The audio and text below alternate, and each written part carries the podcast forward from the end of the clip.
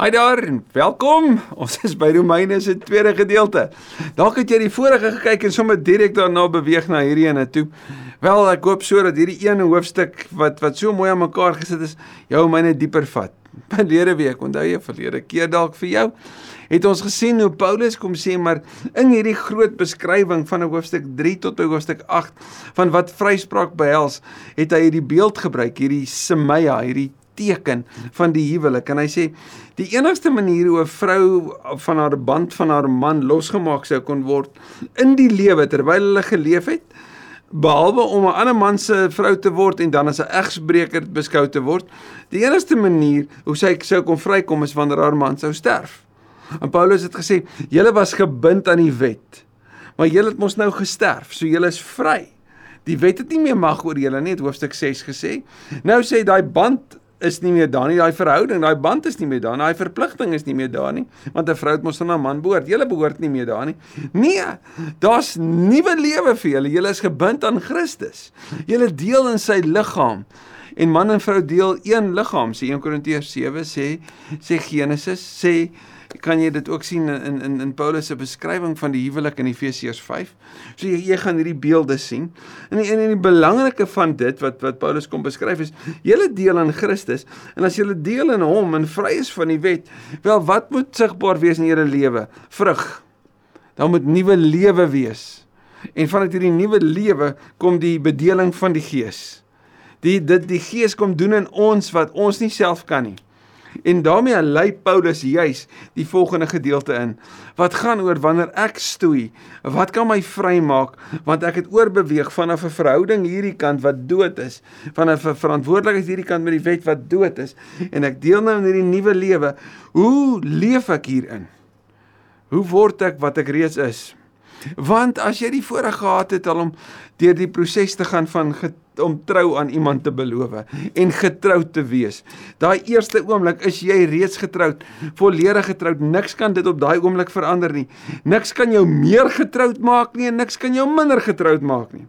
En jy sê kon sê wel ek is nou getroud, niks kan my meer getroud maak nie, so nou gaan ek terugsit en niks doen nie. En ons sal mos nou weet dat as jy daai daai proses gedink het, gaan jy onmiddellik teleurgestel word want as jy sê ek is getroud, niks kan my meer getroud maak nie, dan gaan jy vinnig besef nee, om getroud te wees pas by getroude gedrag. En getroude gedrag is anders as enkellopende gedrag. Getroude gedrag vra baie ander verantwoordelikhede en fokus en taal en woorde en selfs gewoontes en 'n ander dagboek en 'n ander oorlosie en en en en en. en. Want dis so getroude lewe lyk. Wel, julle is nie meer gebind aan die vorige nie. Julle is nou in hierdie verhouding met Christus. Op Openbaring sê vir ons hoofstuk 19 van 'n huwelik, nê? Nee? Wel, hoe lyk hierdie getroude lewe? Kan ek as ek daai metafoor kan gebruik wat Paulus vir ons bygelos het? Gebind aan Christus, hierdie nuwe lewe wat onmiddellik anders is maar al hoe meer verander word. Kom ons vra dat die Here ons ook sal lei daarin. Baie baie dankie Here vir hierdie voorreg. Baie dankie vir almal nuut en oud wat al deel is van hierdie reis. Sommige van ons is, is al op baie baie reise al saam. Ons is deur 'n klomp deel en van ons het nou onlangs deel geword. Dankie vir die opgewondenheid wat ons kan hê oor die woord en dat ons dit met mekaar kan deel. Dankie ook dat ons vandag by Paulus iets kan leer wat so nodig is. Kom doen dit asseblief in Jesus se naam. Amen. Iets wat ek by die huweliksvoorbereiding gereeld met die paartjies deel, is die belangrike van broosheid en van eerlikheid.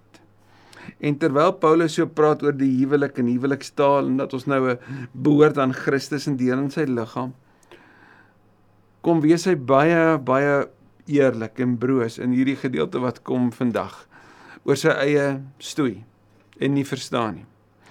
En wanneer ek en jy dit lees, moet ons so versigtig wees dat ons dit wil lees as verskoning vir ons eie lewe. Ek bid so dat wanneer ons nou saamwerk, saam deur dit werk, dat ons die broosheid van Paulus sal raak sien en die wagmoed sal hy homself broos te wees voor die Here oor ons eie lewens. Paulus doen dit vir mense wat waarvan hy bitter baie nie ken nie. Ja, ons gaan sien in hoofstuk 16, daar's 'n klomp wat hy goed geken het deeglik van bewus was. Maar wanneer hy hierdie kom deel vandag, is hy bitter bitter eerlik. So Kom ons wees sensitief ook wanneer ons hierdie lees. Vers 7. Wat is dan ons gevolgtrekking? Hy sê nou ons deel in Christus. Ons het 'n nuwe lewe vry van die wet. Ons ons is gebind aan hom. Ons behoort aan hom. Wat is ons gevolgtrekking? Dat die wet van Moses van dat die wet van Moses sonde is. Appel is die wet sonde? Beslis nie. Die Engels sê ons sê don't be silly. En twee keer het Paulus met hierdie diatribe styl het hy by hierdie antwoord gekom. En hierdie is 'n belangrike klem sien Paulus kom sê onmiddellik nou alreeds vir ons, die wet is nie weg nie. Die wet is glad nie weg nie. Die wet het 'n funksie, maar my verbintenis aan die wet soos wat dit was, dis weg. Ons gaan nou sien hoekom. Inteendeel, ek sou nie geweet het wat sonde is as dit nie deur die wet was nie. Die wet kom ontbloot die sonde in my. Hoekom? Want die wet sê vir my wat verkeerd is. Kyk 'n bietjie mooi as jy weet dat die wet dat die spoedbeperking 60 is en jy sê vir 'n 18-jarige dis 60 dan gaan daai 18-jarige waarskynlik sê wel dis 60 miskien kan ek in tweede rad al daardeur verby wees want 60 is 60 vir jou maar is nie noodwendig 60 vir my nie nê nee. As jy 'n beperking sit dan is die eerste beweging maar hoe gaan ek daar verby en hoe voel dit aan die ander kant van die beperking hoe is daai lewe vry van dit of aan die ander kant daarvan die hele vraag van sê wie? Jy sê ek moet dit doen. Sê wie? Kyk bietjie wat maak ek daarmee. Paulus sê ek sou nie geweet het wat sonde is nie as dit nie deur die wet was nie. En dis 'n baie belangrike perspektief want daarin kom sê Paulus vir ons die wet het 'n funksie want die wet openbaar iets in my en daai openbaring moet my na 'n plek toe neem. Vir dit is die wet het die wet 'n baie besondere funksie. Maar ek staan nie onder die wet asof om te sê die wet gaan vir my iets teweegbring nie. Nee, die wet kom maak iets los. En daai iets los is die vraag as die wet dit losmaak en vir my kom wys hoe gebroken ek is, dan kom maak die wet my nie vry daarvan nie, nê? Die wet red my nie daarvan nie. Die wet verander myself nie. Hoe meer wette daar is, beteken nie my gedrag gaan al hoe meer verander nie. So wat gaan my gedrag laat verander? Dit is uiteindelik die vraag. Wat gaan my van hierdie mag wat my gedrag die hele tyd tentoonstel en open openbaar, wat gaan my daarvan bevry? Dis waarmee Paulus besig is. Ek sou byvoorbeeld nie geweet het dat dit sonde is om te begeer nie as die wet dit nie gesê het nie. En die woord hier begeer is te covet om na 'n ander man se vrou te kyk en haar te begeer asof sy joune is. Ek onthou op op fakulteit het ons het ons die die begering beskryf bespreek en ons professor het dit het dit so beskryf. Begeer is om te kyk en dan planne te maak om dit waar te maak. Dis soos wanneer jy 'n ander man se vrou sien en sy vir jou bitter mooi is en jy dink hoe kan ek reël dat ek en sy 'n koffietjie kan drink? Dat ek en sy mekaar beter kan leer ken. Want eintlik wil ek haar vir my hê. Dis begeer. Dis dis dis die krag van begeerte. Is om beheer te neem, te begeer, te wil bevredig. Paulus sê ek sou nie geweet het wat begeer is. En ek sou nie geweet wat dit is om te kan begeer as dit nie vir my gesê is nie. En nou dat ek weet ek mag nie, nou wil ek juis, nê? Sê ek sou nie geweet as dit nie was nie dat jy nie mag begeer nie. Hoor sy broosheid hierin. Maar deur hierdie gebod het die sonde 'n vasstra plek gekry. Dan kyk 'n bietjie Galasiërs 5:19 se beskrywing hiervan. En hierdie woord vastra plek is 'n wegspringplek. Die die die Griekse woord sê dis presies waar dit ontstaan het, ontspring het in my lewe, 'n vastra plek gekry. En elke soort begeerte in my aan die gang gesit. Want sonder die wet is die sonde dood. Want sonder die wet het ek nie 'n basis gehad om sonde in my lewe te meet nie. En voordat ons nou sê maar wat nou van die wat nie die wet het nie. Paulus het in Romeine 1 vers 18 tot 32 gesê daar's geen verontskuldiging vir die wat nie die wet het soos wat Moses dit ontvang het nie. Want wat hulle van God kan weet, kan hulle in die natuur agterkom. En jy kan maar gaan kyk deur samelewings reg oor die wêreld, van verskillende beskawings is daar 'n morele kode. Daar's 'n morele manier van hoe om met mekaar op te tree met en sonder die wet van van van Israel van daai tyd. So so so wat het hulle dan as basis? En dan het ons mos Romeine wat sê hulle het die natuur en hulle het 'n morele kode wat oorgegee is deur 'n morele gewer en die oorspronklike morele gewer is God self. So hy het sy wet gegee. Maar Paulus kom praat hier met die Jode en die Jode wat die wet ken en hy het dit gesê in hoofstuk 7, hy het dit so ingelei. Mense wat die wet ken en daarom kan hy hierop fokus. So sy fokus is op die wet. Die fokus op die die wet wat dood is, maar dat die wet se funksie in my lewe, my band met die wet, my my my ondergeskik wees aan die wet in so 'n mate dat ek wil hê dit moet my verander en dit dit nie regkry nie. Daai is gebreek. Die wet kom openbaar in my iets wat wat ek nie geweet het wat dit was nie, maar nou het ek 'n naam daarvoor, nê? Nee? Voorheen toe die wet nie daar was nie, het ek gelewe, maar toe die gebod gekom het, het die sonde begin lewe. Wanneer het dit begin? Toe ek die wet begin kry het. En nou sê ek vra maar Paulus, wag net, wag net, wag net. Hoe sou jy want hierdie hierdie klink baie ingewikkeld.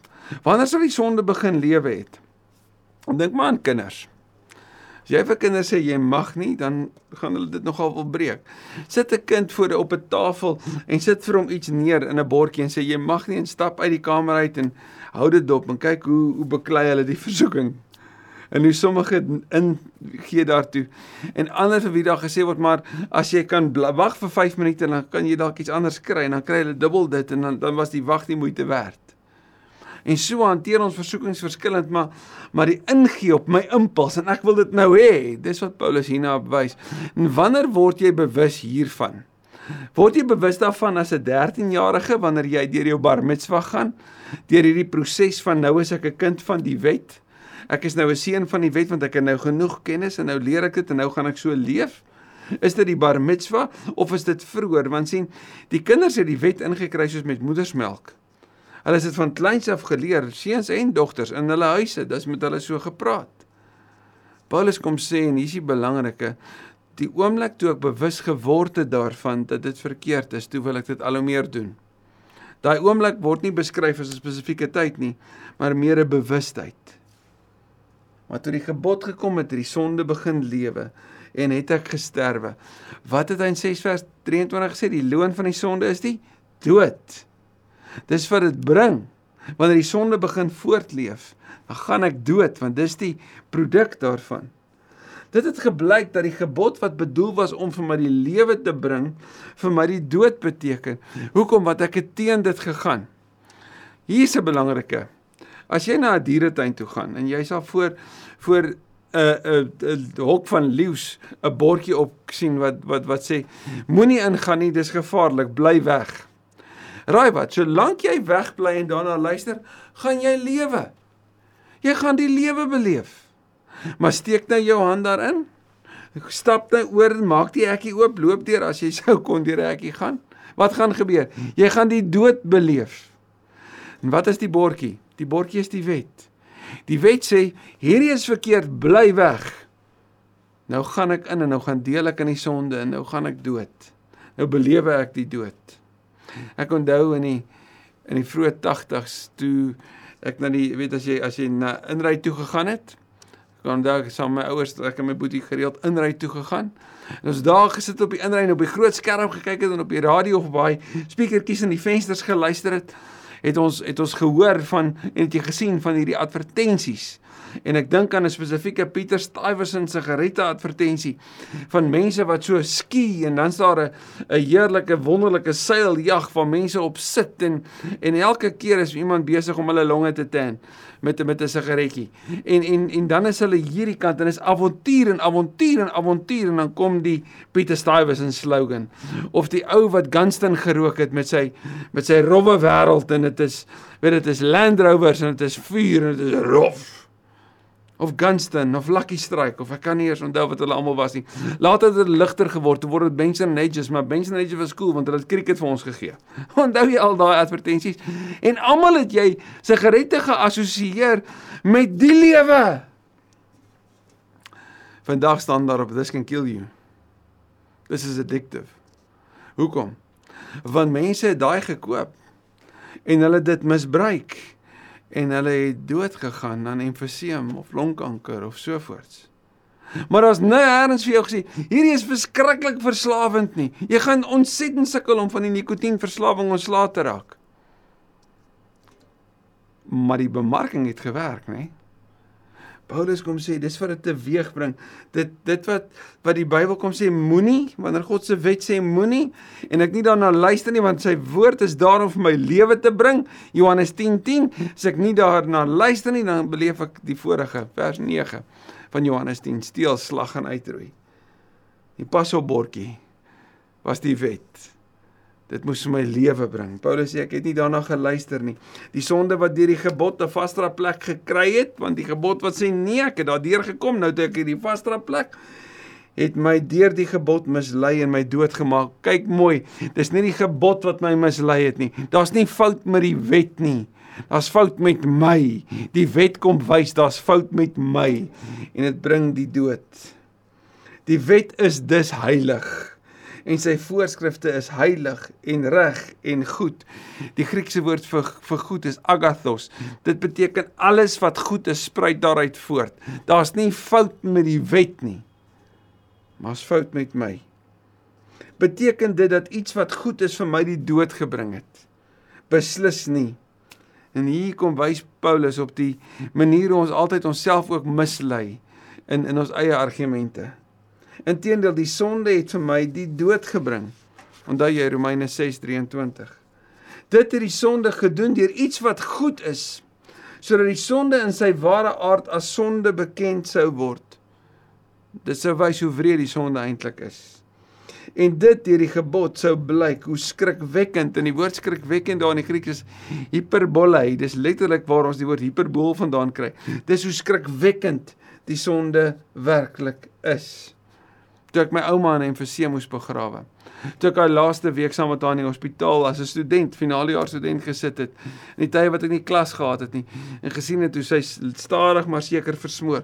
Toe ek daarna tyd vir tyd saam met mense gesit het op die sterfbed, besig om te versmoor, dan beleef jy hoe intens, hoe intens, hoe intens die gevaar van verslawing van nikotien en uiteindelik van wat dit teweeggebring het in hulle lewe veroorsaak het. Jy sien hoe skrikwekkend dit is. Ons weet tog die wet is geestelik. Maar ek is aards en soos 'n slaaf aan die sonde verkoop. Wat beteken die wet is geestelik? Wel is deur God vir jou en my gegee. Dis sy wil. En hier deur te sê die die onderskeid te maak tussen die geestelike en die aards kom lei Paulus 'n nuwe deel in. Hoe gaan ek die aards verander deur dit wat hier is in te bring hiernatoe?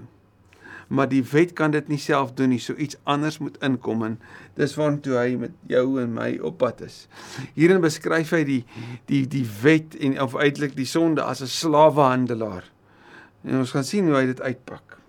Ek begryp self nie wat ek doen nie. Want wat ek wil doen, dit doen ek nie, maar wat ek haat, juist dit doen ek.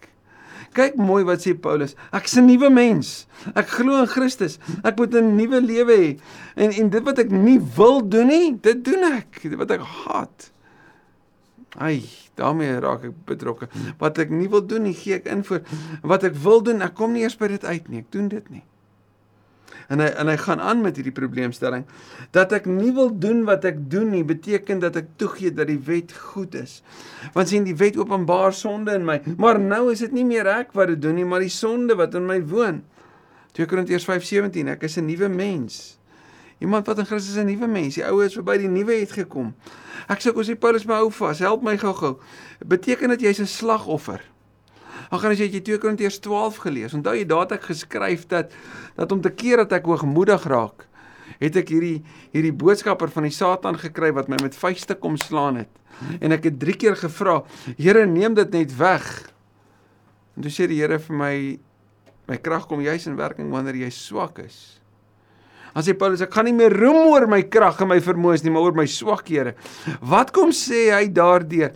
By jou en my is daar hierdie swakpunte hierdie weakness, nê, hierdie broosheid, hierdie plekke waar ons weet ons nie sterk is nie, waar ons weet ek moet liewer wegbly daarvan af. As Paulus sê, daai plek in jou lewe wat geopenbaar dat wanneer as jy daar daarvoor ingee, dan is daar nie 'n einde daaraan nie.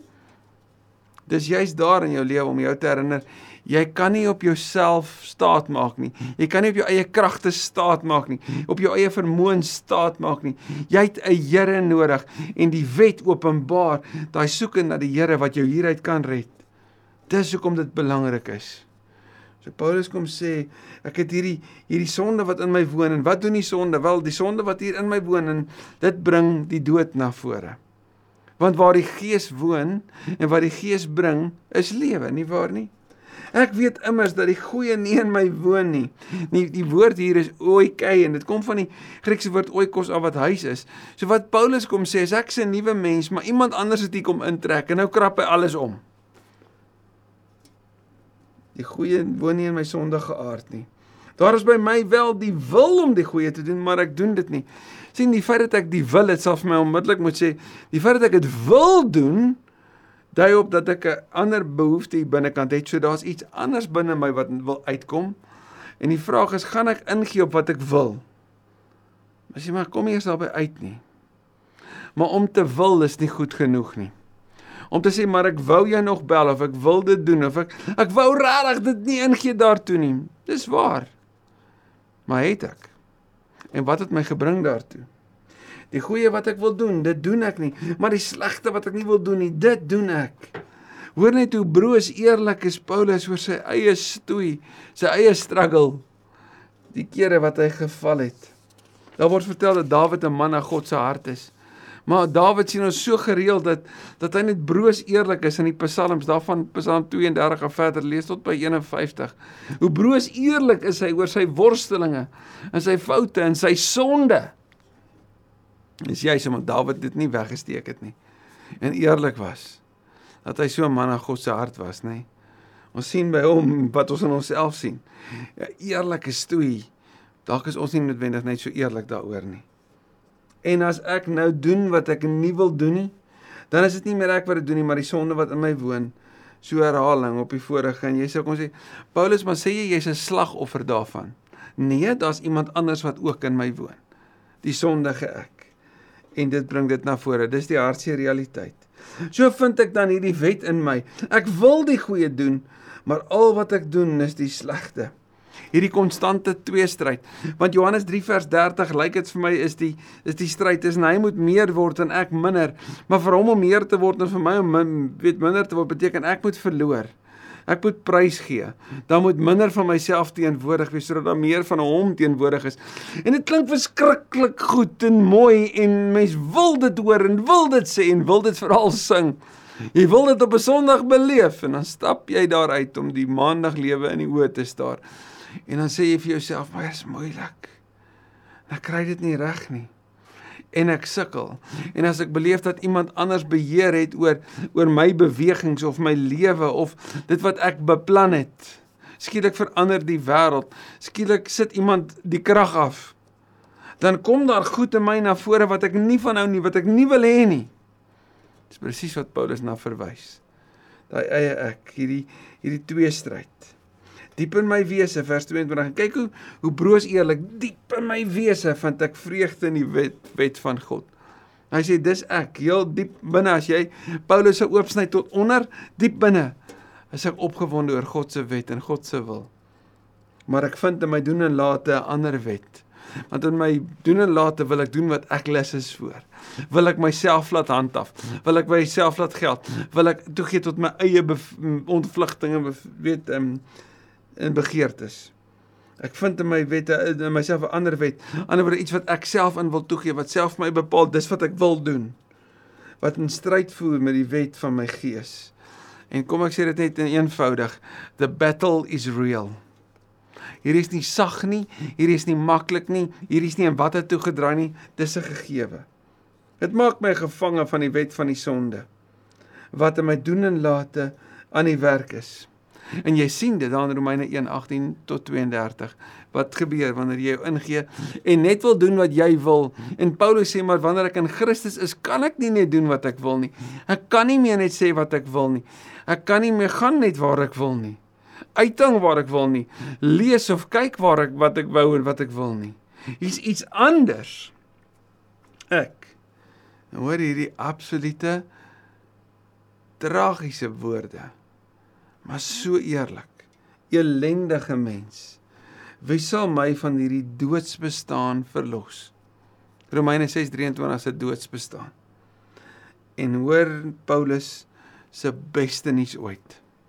Die vryspraak ook van hierdie mag. Nie van die mag van die wet nie, maar die mag van die sonde.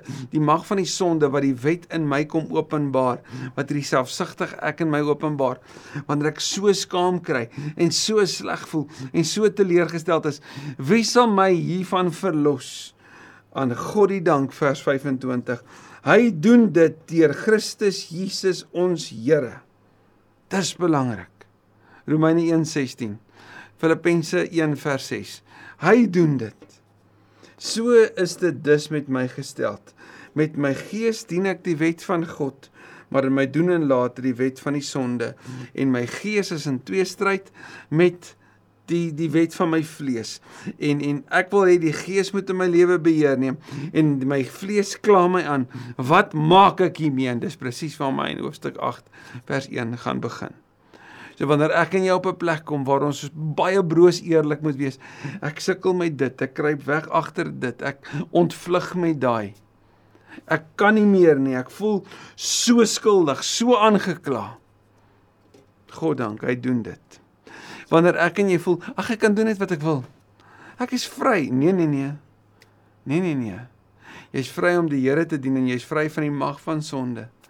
Maar die wet bly die riglyn. God se wil bly die riglyn. Hoe vry is ek?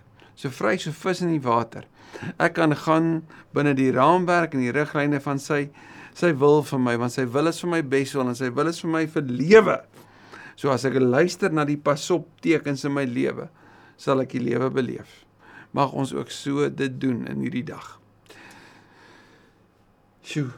Here, my gemoed is so vol as ek dink oor oor dit wat Paulus oopbreek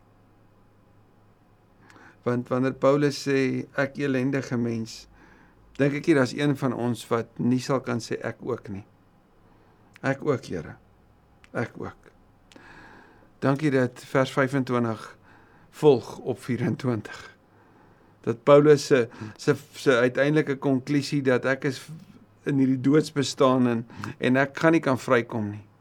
Dat hy sê God dank maar u doen dit. Dankie Heilige Gees dat ons van hierdie oomblik af kan voortgaan met hierdie reis op pad na totale bevryding en op pad na 'n 'n lewe wat onder die beheer van die Gees is, 'n lewe waarin die vryspraak wat Paulus vir ons uitpak al hoe duideliker vir ons word. Dankie dat die wet juist die funksie in ons lewe het om die sonde te ontbloot en dat wanneer ons bewus raak van die sonde, dit ons terug moet neem na Jesus toe, die verlosser, die een wat ons vergewe, die een wat ons skoon was, die een wat ons vrymaak. Dat ons vryspraak, vergifnis en verzoening kan beleef elke keer. Mag dit nooit oud word in ons denke daaroor nie. Mag ons nooit gewoond raak daarin nie. Mag ons altyd uit sensitiewe dankbaarheid sê, "Wow, Dankie Here vir my ook. Ons aanbid U in Jesus se naam. Amen. Hoofstuk 8 van Romeine het soveel skatte in. Geweldig baie. Ek hoop jy ry saam. sien jou daar.